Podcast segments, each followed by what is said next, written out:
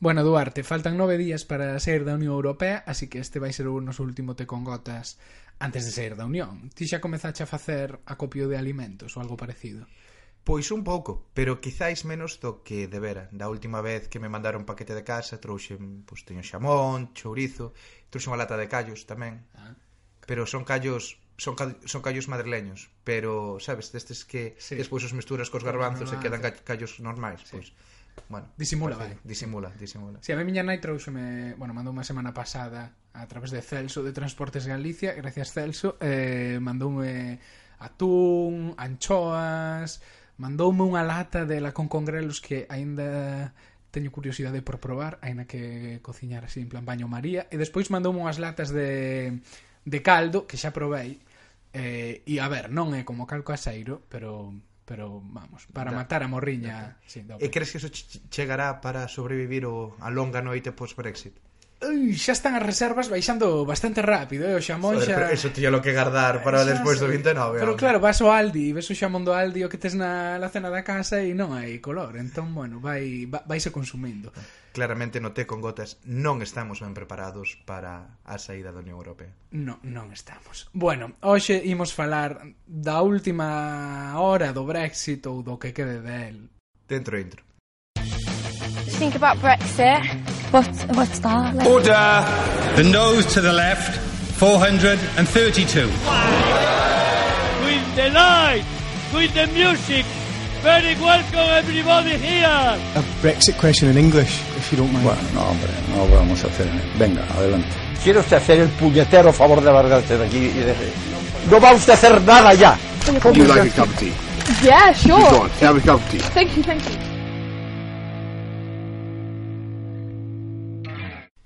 Dios, non teño claro que queira facer isto, que queira falar máis de de Brexit, do lío que é, non está claro nada, é un coñazo, leva durando dous anos, un aburrimento xa. E mira que sofre que da política, pero non... Sí, non eu, eu, eu creo que tiñamos que reconvertirnos a un podcast da Premier League ou falar de fútbol, cousas así máis máis amenas. Ah, pois sí, casi sí, pero non sei.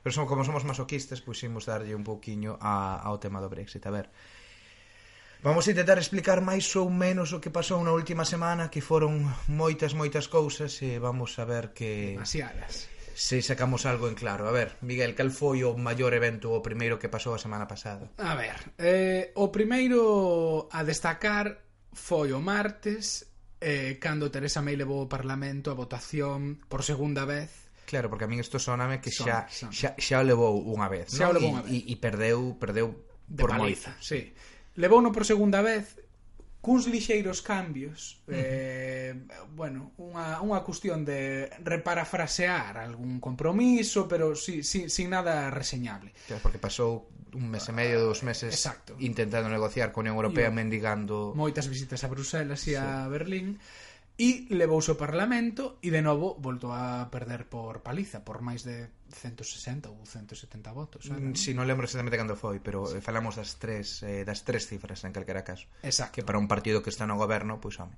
claro non é mesmo que perder por 150 votos se, se o partido do goberno que si esos verdes pero claro por tanto martes a semana pasada votase o acordo por segunda vez e mai perde Mércores. Volve a haber outro voto importante, neste caso que se vota é sair da Unión Europea cun no deal. Claro, claro, a ver, é, é que isto tamén é unha é, é, ten a súa complicación. Cando May chega ao Parlamento para votar o, o seu novo acordo, o novo acordo, o mesmo acordo, pero con, con unha pegatina por riba, eh, ela comprométese a dicir, vale, se me votades en contra desta, desta historia, eu o día seguinte vou volver e vamos a votar si queremos sair da Unión Europea sen acordo ou se é algo que, que rexeitamos. Claro. E o Parlamento que votou? E o Parlamento votou en contra de sair sen acordo, pero votou só por 4 votos. Sí, esa foi a diferencia. E, eh, cuestión importante, cinco dos ministros do, do goberno votaron, bueno, non seguiron as ordes do partido de votar a favor de sair con no deal.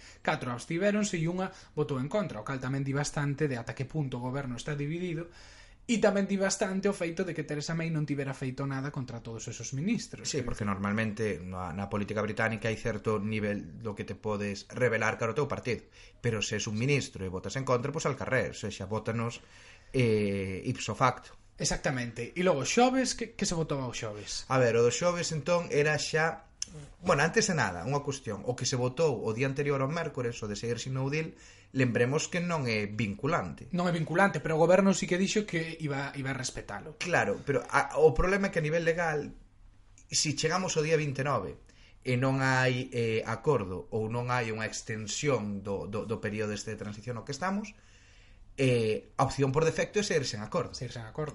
E a Unión Europea tería que dar o visto bo a unha posible extensión. Quero dicir, non é só unha cuestión unilateral do Reino Unido. Sí, pero por mollo que o Parlamento diga que están super comprometidos con, eh, con que non haxa no deal ou que non haxa non acordo, Exacto. si se chega o 29 sin nada, Exacto. xa ese, eh, porque é a posición por eh, por defecto. entonces o valor do que se votou este día é relativo. Sí. Máis importante me parece que se votou o día seguinte, creo que o que, o que comentabas agora, que o da, o da extensión, a extensión do artigo 50. O artigo 50 é ese artigo do Tratado de Lisboa no cal se activa a saída da Unión Europea que por un período de dous anos. Bueno, pois unha extensión dese período de dous anos é o que se votou o que se votou o día o, o xoves.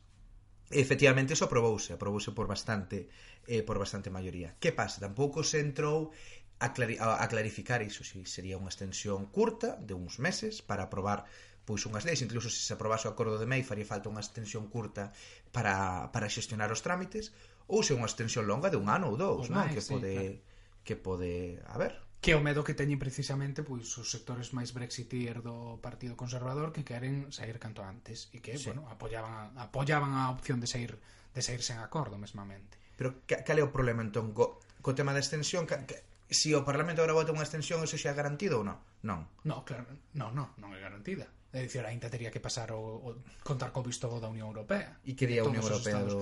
Claro, a cuestión, é, a cuestión aí é que a Unión Europea di que se o Reino Unido non celebra eleccións europeas, non podería permanecer que na... Que son en xoño, non nos esquezamos. Que, en maio. En maio, perdón. A último eso, fin de semana de maio. Eh, si a última fin de semana de maio o Reino Unido non celebra eleccións para elixir os seus membros no Parlamento Europeo, non podería continuar na Unión Europea máis alá do 1 de xullo porque habría que constituir un novo Parlamento e non pode haber un Estado membro que non teña representación no Parlamento eh, Europeo. Eso por unha parte, pero por a outra tamén polo que estive lendo, lendo antes tamén se están dicindo incluso falando dunha extensión Exacto. ten que ser para algo. Para algo. O que non queren é que sexa unha extensión, como din aquí, para patear a lata máis cara adiante e, e seguir con esta incertidume e non ter realmente un obxectivo ou algo que facer neste, neste período de, de extensión. Claro, dicía Merkel este martes precisamente que era o que estaban eh, agardando saber que quería May, que xa estaban exa exhaustos, dicían, de non saber que diaño quería o Reino Unido eh, e que, que excusa ia a traer desta volta para solicitar unha extensión se que finalmente a solicitaba.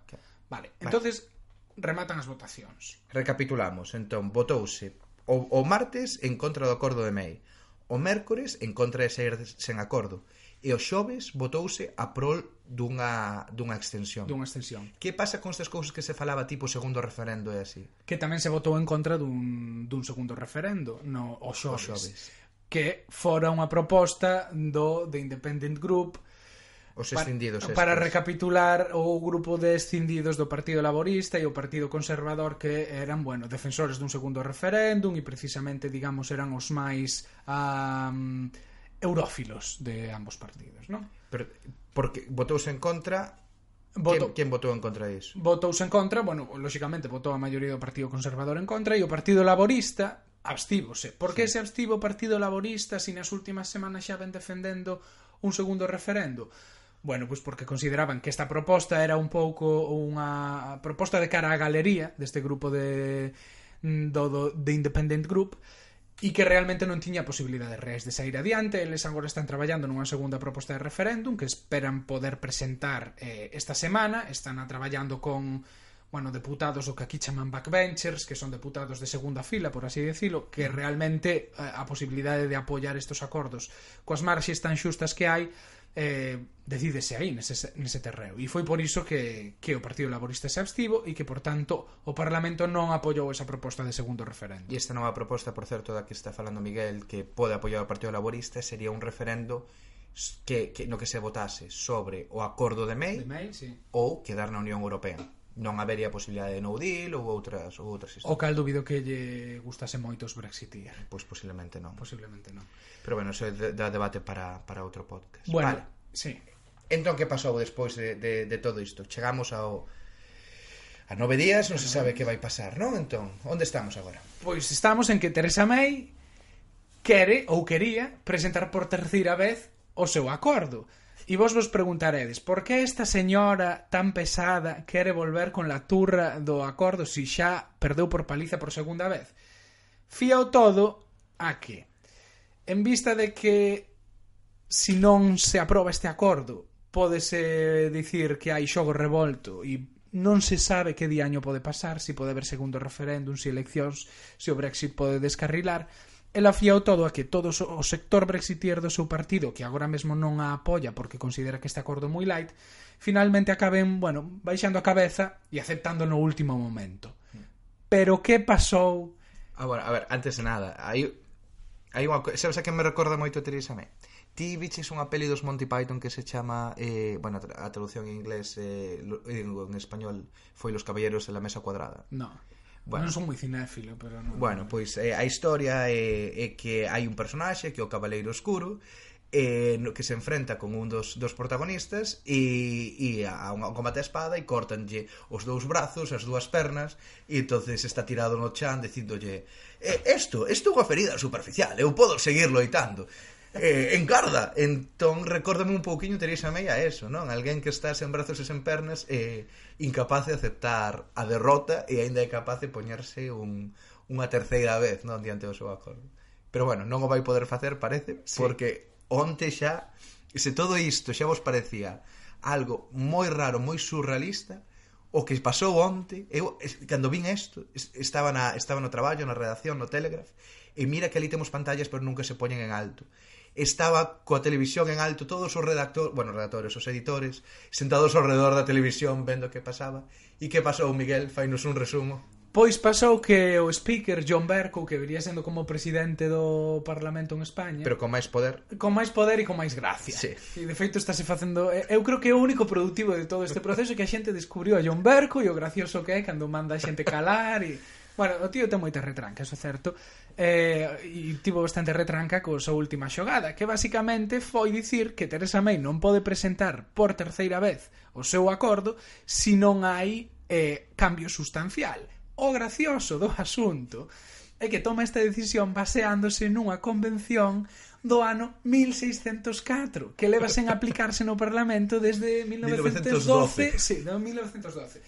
É, é como a guinda surrealista a todo isto. E claro, agora Teresa May di por primeira vez que, bueno, estando a nove de días de sair da Unión Europea, con este señor dicindo que non se pode votar o plan que ela quere, que, que ao mellor o país está en crise. Lixeramente. Agora. Sí. Non unha crise, é unha desaceleración, como diría no Zapatero eh, na súa época. Sí, eh, sí, se cadra ve brotes verdes en, en breve. Entón, bueno, estamos así, que vai pasar, Duarte? Non teño ni idea, non teño, de verdade, es, creo que estamos nun momento no que todos os escenarios que levan sendo posibles dous anos, agora nove días, siguen sendo posibles. É posible que Theresa May busque un subterfuxio parlamentario para volver a presentar o seu acordo por terceira vez ou incluso por cuarta, sabe, se así vai enfilada. É, é posible sair sen acordo, se, se chega o día 29 sin extensión ni nada, pois sairase sen acordo. É posible eh, que se consiga unha extensión da, da Unión Europea, sexa curta ou longa é posible eh, que haxa un segundo referendo se pasa a, a, a proposta do Partido Laborista. Uh -huh. é posible que ao final eh, Theresa May decida dar un paso atrás e que haxa eleccións ou haxa unha nova primeira ministra é posible que que máis é posible?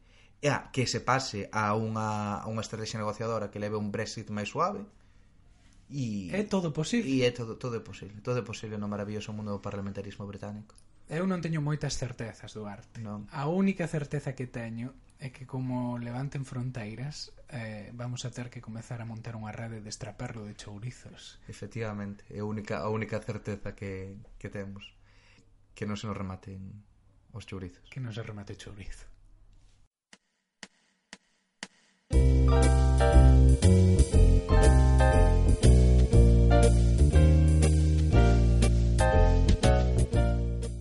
Bueno, pois hoxe temos con nos a Saleta Chao, que é unha pedagoga social de Cuntis, pero que traballa aquí en Londres, en concreto eh, no Concello de Hackney, que é un dos máis dos máis pobres da, da capital londinense e traballa nun proxecto pioneiro a nivel mundial no, arbi, no ámbito da intervención familiar. Está precisamente en contacto cun tema moi candente últimamente no Reino Unido como son as gangs e como son os crimes de, de arma branca, os acoitelamentos. Que tal, Saleta? Ola, moi ben. Contanos un pouco, en que consiste o, o proxecto no que traballas ti en Hackney? Pois o proxecto para o que eu traballo chamase FLIP, Family Learning Intervention Program, entón é un... Que querería decir algo así como programa de intervención e eh, aprendizaxe familiar. Efectivamente, sí. Eh, é un, un programa que desenvolveu Hackney hai 4 ou 5 anos um, e que se basea no modelo de pedagogía social para traballar de forma eh, sistémica con familias e previr que os menores poidan acabar sendo tutelados, en esencia. E en concreto o teu rol eh, nese proxecto en que consiste? Que o que faz? Eu son pedagogo social, entón eh, bueno, eu creo que a particularidade fundamental deste proxecto é que aínda que traballamos desde Hackney e con familias de Hackney, nos facemos intervencións educativas con eles nunha casa que temos en Oxford. Entón nos viaxamos coas familias, pasamos días en Oxford con elas, eh, facendo pois actividades de todo tipo, intentándolles dar unha experiencia un pouco distinto que pode ser o seu día a día. Eh, isto basease todo en teorías de sacar a, as familias da súa zona de confort e leválos á zona de aprendizaxe. Um, e tamén de rachar un pouco cas barreiras tradicionais do que pode ser a relación profesionais coas familias dentro dos servizos sociais.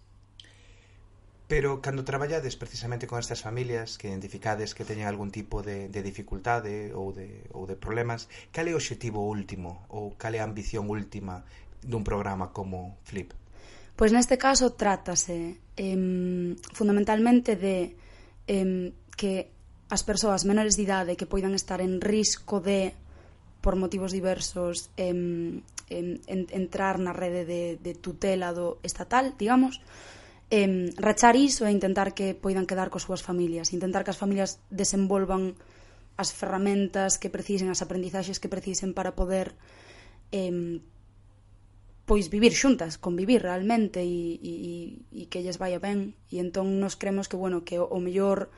Em, o mellor para tanto as menores como as familias, como as comunidades, é que ninguén teña que acabar sendo tutelado, non? Eu creo que esa é a última o obxectivo último, digamos, do, do, do, do programa. Entón, para iso é para o que traballamos. Pero claro, tamén tocamos moitos outros aspectos como temas de saúde mental, em, consumo de drogas, em, criminalidade, explotación sexual infantil. Entón, ao final, estamos facendo traballo preventivo en moitos ámbitos, digamos. Pero imagino que ese traballo de prevención tamén suporá aforros uh, ao Concello noutras áreas, pois evitando que pois, pois que se desenvolvan uh, xente nova en situacións conflictivas, en gangs. Totalmente, sí, sí, sí. Um, de feito, este proxecto que é bastante um, caro, digamos, para o Concello, eh, ao final supón eh, un aforro de custos. Non sempre é un pouco raro falar disto cando se fala do ámbito social e poñelo en termos económicos, pero realmente estánse pois aforrando diñeiro, no sentido de que pois eh, a respecto do uso de, por exemplo, em, em, non sei, servizos de saúde mental, em, temas de gastos policiais, imagina, se é un caso de que em, pois a persoa menor de idade está en, en temas de de gangs, como ti dicías antes, em, por exemplo, en avisos de desaparicións, que é algo moi común aquí, cando hai risco de explotación criminal ou sexual infantil, um, eso son, son cousas moi, moi, moi, moi custosas. Entón, en base a facer un proxecto como este, que traballa non cos individuos, sino coa súa rede de profesionais, a súa rede personal de apoio, em, e que, que lles dá iso, as ferramentas para que as desenvolvan eles mesmos non, eso é, pode facer moito máis a medio e longo prazo que que non facelo, vamos. Comentábamos antes que era un proxecto pioneiro, está sendo efectivo no que se leva feito ata agora? Como, como vas ti? Sí, eu non, non recordo os datos agora mesmo, pero eh, fannos auditorías eh, cada seis meses, E, e bueno, os datos da última son que pois todos os casos que tivemos todas as familias cos que traballamos e acadaron ou parcial ou to totalmente os obxectivos cos que accederon ao programa.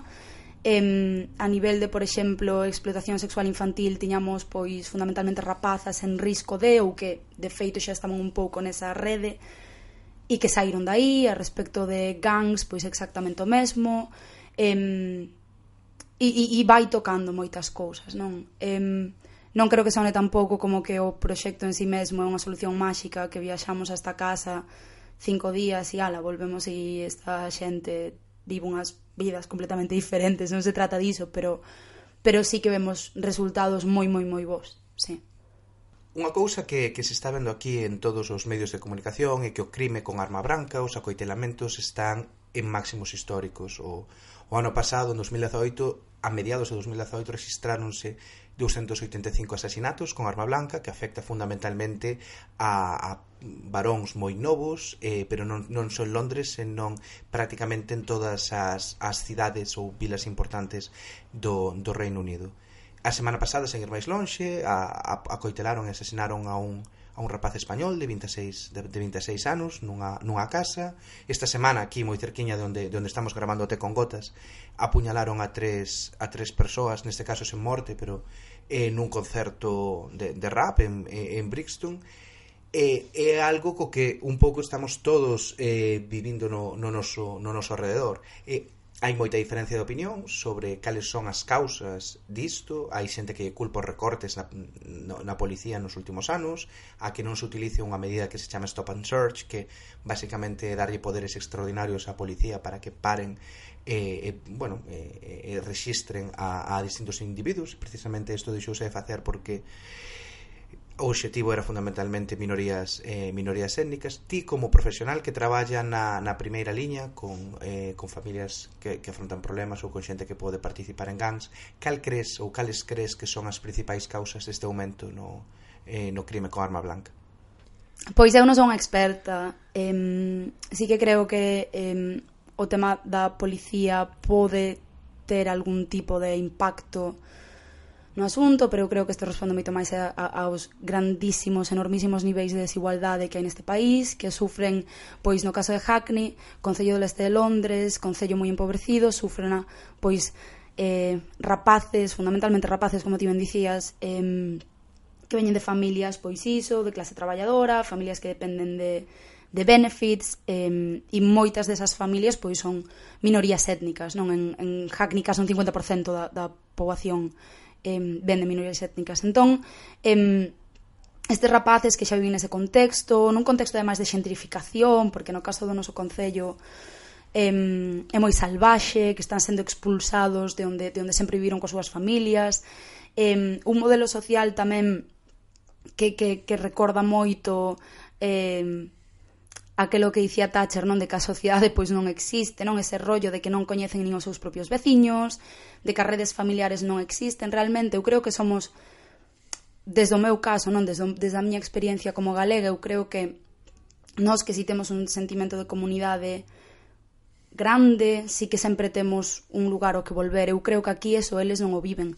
Em, é moi difícil que poidan desenvolver esas redes de apoio. Incluso coas súas propias familias, moitas veces non teñen porque son familias grandes, eh, pois iso en condicións socioeconómicas, pois prácticamente en condicións de exclusión social, non?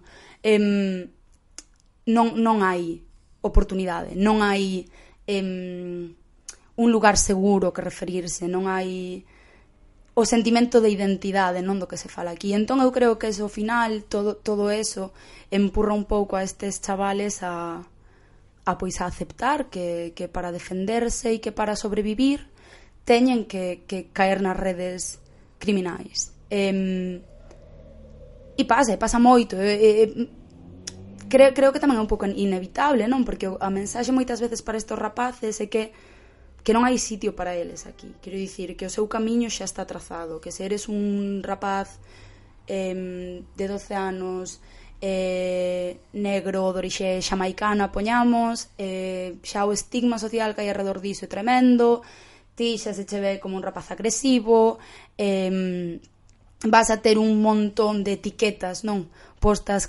contra ti que realmente te, te, te, te empurran fora do que é pois, o, a sociedade así en xeral, non?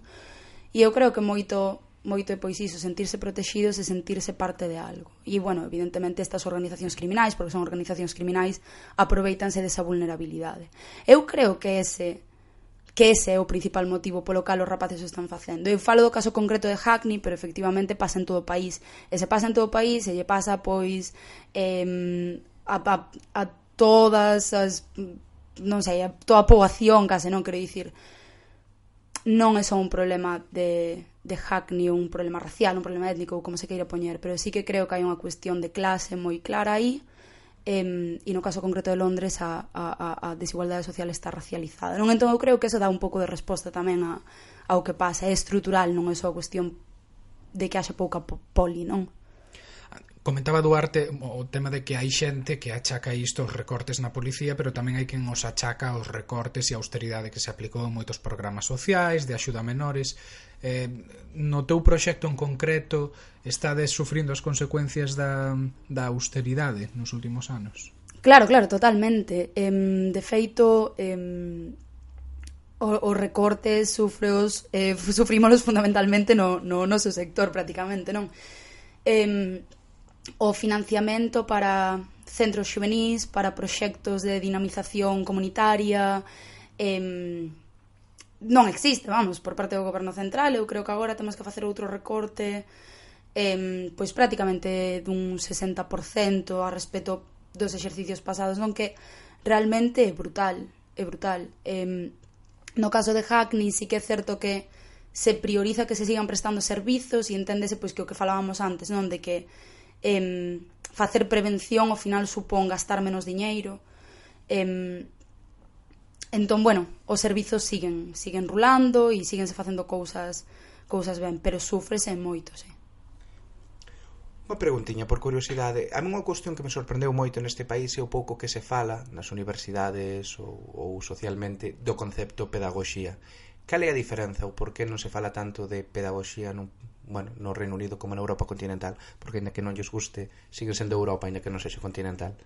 Eh, pois mira, eh, non se fala de pedagogía porque non saben o que é a pedagogía. creo que, que, que se resuma así bastante ben. A ver, eu creo que, que neste país teñen moitísimas ventaxas proxecto respecto de como entenden o traballo social e o traballo con menores. Eh, pero o tema, pois iso, da pedagogía social só un pouco a pues non sei, algo que acabas de inventar, nunca na vida escoitaron, incluso se se dedican a educación, din, ah, bueno, sí, esa palabra que lín nalgún, nalgún texto, non? Eh, non se desenvolveu a pedagogía social aquí nunca. Eh, de feito, eh, todos os modelos que están en desenvolvemento agora miran moito eh, efectivamente a Europa continental, eh, miran moitos países nórdicos, eh, e está en construción. Eu, por exemplo, eh, tiven a sorte de pois a través deste traballo em, participar nunha asamblea da, da Asociación de Pedagogía Social do Reino Unido e realmente están en creación e están en debate, non saben realmente o que pode significar a pedagogía social aquí. Em, E entón, claro, a pregunta é un pouco pois como é que ao final reclutan en algún sitio eh, pedagogos sociais. Bueno, pois porque reclutaron a unha vez e o modelo funcionou ben. Em, é moi innovador para eles, moi innovador. Aquí o traballo social é moi ou, ou foi moi eh, moi, moi tradicional, case como podes imaginar cando che poñen nas pelis, non? De que che chega un traballador social a casa para sacar os fillos e ese, e ese tipo de, de cousa, non? Eh, e pasou de iso a ser moito máis revolucionario no sentido de non temos que rachar con isto porque isto non funciona e a visión ten que ser outra, ten que ser diferente, temos que poñer os intereses das persoas cos que traballamos primeiro, eh, temos que facer o que se chama eh, eh, práctica sistémica coas familias, traballar de forma holística, entender todas as complexidades tamén do contexto. E entón aí foi un pouco onde encaixou, creo eu, o tema da pedagogía social con Hackney en concreto. Eh, de que se pois era un momento de cambio e ese momento de cambio a pedagogía social respondeulle ben. Eh, pero, bueno, en completo desenvolvemento agora mesmo. Bueno, e como sabes, aquí no te con gotas sempre rematamos cunha, cunha mesma pregunta. Poñemoste no caso dunha Galiza distópica na que ti serías unha especie de conselleira omnipotente de política social que podería... Uh, bueno, pois eh, desenvolver novas políticas todo o que ti quixeses. Eh, pero desta volta vai cunha dobre pregunta, porque tamén se quería preguntar un pouquiño cales son as diferenzas que vestí entre a, o, as políticas de servizos sociais en Galiza no Reino Unido e que levarías ali se foras conselleira que, que levarías, que aplicarías ali en Galiza do que, do que te aprendiches aquí? Vale eh, a ver, as diferenzas eu creo que a mí o que máis me sorprende de todo é que incluso eh, con recortes salvaxes eh, cunha eh, reducción orzamentaria pois iso, do 60% no ámbito social e máis, segue habendo traballadoras em, nos seus postos, segue habendo uns niveis de, de, de, de profesional, a ratio de profesional e, e, e persoas usuarias segue se mantendo. Entón, nese sentido, eu creo que que a diferenza non que eu podo dicir que vexo é que se garante que os servizos se prestan e que non, non se pode baixar no que se di un pouco a calidade o estándar do servizo, non?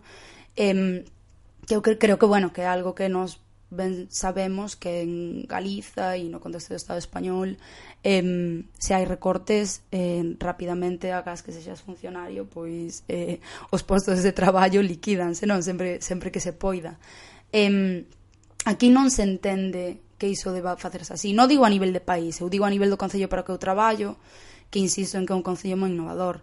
Eh, inténtase garantir o servizo sempre e enténdese tamén que iso vai salvar eh, o, o Concello de, de sustos non e disgustos futuros no sentido de ter que gastar máis en, en intervencións pois, no ámbito policial, no ámbito da saúde, em, do consumo de sustancias e demais. Entón eu creo que esa é a diferenza principal. Em, e se eu fora... Conselleira de Política Social. Conselleira de Política Social, em, pois eu penso que que levaría esta idea que ten, que ten o Concello de Hackney de facer moita prevención, garantir que hai xente local na comunidade que pode apoiar, pois neste caso a menores, non que con que traballo eu fundamentalmente, pero pero que hai servizos aí, entender que cada céntimo de euro que vas poñer en prevención multiplíquese despois a nivel da forro. Entón son iso, eh, non te vas ter que preocupar por invertir tanto en policía, non te vas ter que preocupar por invertir tanto en, pois non sei, um, servizos de saúde mental ou, ou, bueno, moitos exemplos. Non, eu creo que é iso, a idea que teñen eles de vamos sempre a repensar o que facemos para intentar facelo mellor. Eu creo que esa é a clave de dicir vamos a ir coas ideas máis salvaxes, facer cambios radicais, eh, que a nosa práctica sexa completamente distinta porque se poden facer as cousas mellor. Eu creo que eso é o mellor, con diferencia, que eu levaría nese sentido. Non levaría unha política concreta porque creo que os países son demasiado diferentes no ámbito social, pero pero esa idea, non, a idea de hai que facer as cousas de outra maneira porque hai que cambiar e, e, e intentar ir a mellor. Salete Chao Rivas, moitas grazas. Grazas a vos. Bueno, Miguel, que che pareceu? Pois chamoume moito a atención o que dicía do, do tema do aforro de custes, de como este tipo de traballos de, de prevención eh, sirven para aforrar no futuro bueno, pois, gastos en cuestións de seguridade, en cuestións de hospitais, porque sí que é certo que a min dame a sensación de que cando se fala destes servizos de intervención social, non só aquí no Reino Unido, sino tamén en Galicia e no Estado español, é como que pensase que son algo superfluo e que en caso de que cheguen momentos de vacas fracas que, bueno, que o, o primeiro que se pode prescindir porque non é tan importante. Pero realmente sí que o é, e realmente hai unha diferenza moi grande de, de non ter a xente con coitelos polas rúas acoitelando xente desde un punto de vista utilitarista e, e bueno, moi economicista, si queres, pero eso supón que nos hospitais pois non van estar tan colapsados, que non vas a precisar tanto gasto policial uh, para estar detrás destes destes rapaces, entón eu creo que sí que teñen un papel un papel moi moi importante e, e bueno, pois é, é un punto de vista como digo, máis economicista, pero pero pareceume moi interesante.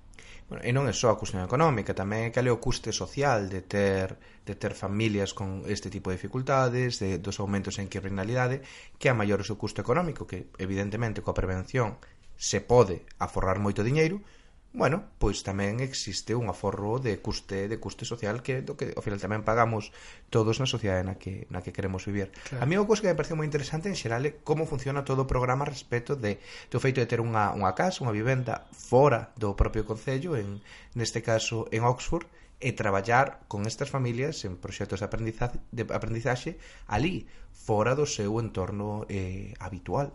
Entón, pareceume un programa moi interesante co cal non estaba non estaba para nada familiarizado e mm. moi, bueno, moi interesante. Sí, e tamén estivo ben o que comentou a raíz de toda a polémica das, das gangs, de claro, como estes nenos, bueno, estes nenos, estes, esta xente nova, adolescentes en, en moitos casos, eh, atopan nas gangs un refuxio para, para, para buscar e para atopar esa identidade que, que lle falta na sociedade pois, polo entorno familiar do que veñen ou porque, polo que comentaba das escolas, dese rexeitamento eh, que sufren e de como as gangs son unha forma de, de, de propi... darlle esa identidade e ese espazo de sentirse seguro. E claro, iso pois, é, é, é o síntoma dun problema social máis grande de que a sociedade non está sendo capaz de ofrecerlle como un refuxo a toda esa xente.